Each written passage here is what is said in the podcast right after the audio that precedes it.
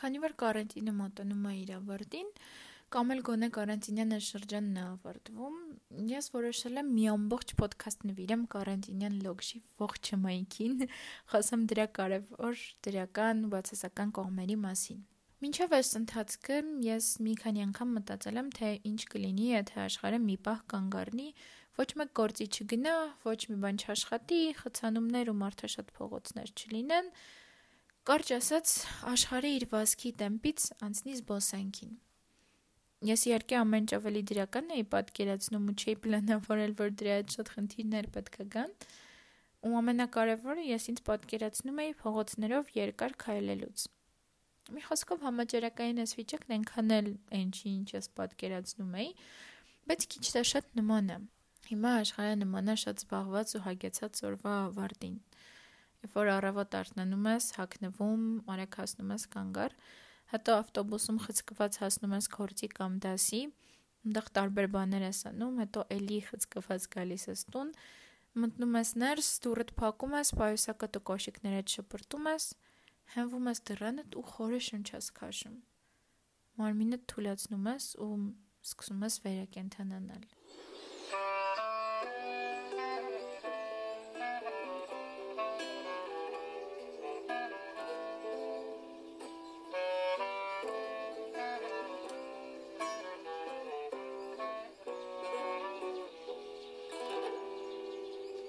աշխարհն այս principով ապրում։ Ամենօրյա լարված խառավիճակները մի պահ ստոպա տվել ու շնչում է։ Բայց վստահ չեմ, որ վերակենդանանում է։ Աշխարհը կանգնել է ու մարդիկ հնարավորություն են ստացել մնալու իրենք իրենց հետ ու ոնց ես էի պլանավորել վազքի տեմպը նվազել է ու նմանվել զբոսանքի։ Առավոտ արթնանում ես, կարես մի քանի ժամ մնաս անկողնում, Եթե գործ կամ դաս ունես, հեռախոսով հենց անկողնուցել կարաս միանաս դրանց, կարաս ինչքան ուզում ես շուռումուռ գաս անկողնուտ մեջ սիրածդ երգերը լսես։ Հետո վեր կանաս, պատուհանդ բացես, որ օրվա լույսն ու ձայները փողոցի լսվեն սենյակդ անկողնուց կարաս տեղափոխվես բազմոցին, ամբողջ օրը տանցկացնես բազմոցին ու հետո հենց քունդ տանի կարաս գնաս քնելու անվերջ ժամանակ ունես ինքդ քո հետ մնալու, ինչը միշտ չի, որ երջանիկ ավարտ կարա ունենա։ Շատ հավես կարա հնչի աստանը մնալու, քիչ բան ունենալ անելու մասին խոսակցությունները, բայց իրականում է շատ մեծ փոփոխություն է բոլորիս համար, որին հարմարվել է միշտ չի, որ հեշտ է տրվում ամենօրյա ռեժիմդ կամ ամենօրյա լոգշդ միանգամից 180 աստիճանով փոխվում է ու դու չգիտես ինչ անես այս ժամանակի հետ որ ունես Ես օրինակ կարանտինի սկզբում շատ էգզիստենցիալ մտքեր ունեի, սկսել էի վերլուծել կյանքիս տարբեր փուլեր, էմոցիաներ, կյանքիս մարդկանց, որոշեցի Կավկա կարդալ ու այս շատ հրաշալի լուծումը երբ էգզիստենցիալ մտքեր ունես եւ այո կարանտինյան լոգշս մի անգամից վերածվեց էգզիստենցիալ լոգշի լիքը խնդիրներ բերեց իրականում այս ամենը. էմոցիոնալ տատանումներ մարդկանց հետ հարաբերությունների փոփոխություններ Մի խոսքով շատ հեշտ չտրվեց ինձ տանը մնալու կարգավիճակը ու կարծում եմ, որ ես միակը չեմ։ Վստահ եմ լսած կլինեք ստիպի արտահայտություններ, որ կարանտինը վերանայելու, նոր բաներ սովորելու, պրոդուկտիվության գագաթնակետին հասնելու ժամանակահատվածը։ Ես ամեն անգամ երբ որ sense մի բան եմ լսում, ուղղակի ուզում եմ ասեմ, չէ, շատ է սկսվել տարածվել նմանատիպ քննարկումները սոցիալական մեդիայում, որ պետքա շատ պրոդուկտիվ լինել, դիքը գրքեր կարդալ, ֆիլմեր նայել, մարզվել, on-line կուրսեր վերցնել եւ բրավո, բոլորս հաջողություններ են գրանցում։ Այս կարա շատ թույն թվա, բայց այնքան էլ տենց չի։ Քանի որ այս ամեն ինչը շատ է պատտվում Facebook-ում, Instagram-ում, մարդկանց մեջ,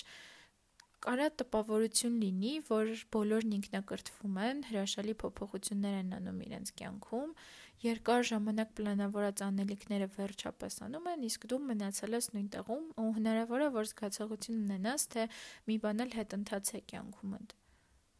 Նույնիսկ ընկերներիցս մեկը պատմում էր, որ բարբերաբար մեղքի զգացում ա ունենում ոչ մի բան չանելու հետ կապված ու տպավորություն է ստեղծվում, թե ինքն է որոշել, որ ոչ գործի է գնում, ոչ տնից դուրս է գալիս, որովհետև Facebook-ում ուրիշ պատկեր է, բայց իրականությունը ուրիշ է։ Իսկ այս պաթետիկ քննարկումները, չելենջները, որ անդադ պատտվում են, դեմ չեմ, կարող է որոշ մարդկանց համար արդյունավետ լինեն, բայց պարտադիր չի ցանկացած իրավիճակում 100% պրոդուկտիվություն գրանցելը։ Ընդհանրապես պետք է հասկանալ ինչ է իրանից ենթադրում պրոդուկտիվ լինելը։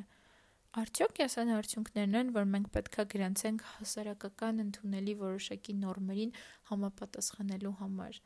ու այս ստանդղակով հաջողությունների ինչ որ մակարդակ գրանցենք։ Թե կարևոր է, որ անձնական մակարդակով պրոդուկտիվություն ցուցաբերենք։ Օրինակ, եթե առավոտ զարթնել ես ու կոֆեի կարիք ունես, լավագույն պրոդուկտիվ քայլը կլինի, որ վերկանաս, գնաս քո համար կոֆե սարքես ու վայելես կոֆեն խմելու այդ մի քանի րոպեն։ Վստահ եմ նաև, որ շատ հոդվածներ տեսած կլինեք այս շրջանում ինքնախնամքի կարևորության մասին, ու ես էլ նորից ուզում եմ նշեմ, որ այս շատ-շատ կարևոր է ոչ մի արտասովոր բան չանելը, տանը նստել երաժշտություն լսելը, ժարիտ ուտելը, նստե իմ համար ուտելիքների աստվածն է դրա համար եմ ժարիտը նշում, բայց դուք ցանկացած բան կարաք ուտեք, որը սիրում եք։ Այս ամենը անելը շատ հոգատար վերաբերմունք է մեր հանդեպ։ Ու իրականում, երբ ասացի արտասովոր բան չանել, հիմա մտածում եմ, որ շատերիս համար ինքս ինքներս մեր համար ժամանակ վերցնելը երբեմն արտասովոր կարա լինի։ Լոքշը մի տեսակ մեդիտացիայի ու ինքնախնամքի ձև է դառնում ու կարևոր է զգալ ու ներսդ լցնել այս հոգատար լոքշով։ Կարևոր է ինքդ քեզ ջրել, մեկ-մեկ ոչ թե աճելու, այլ չչորանալու համար։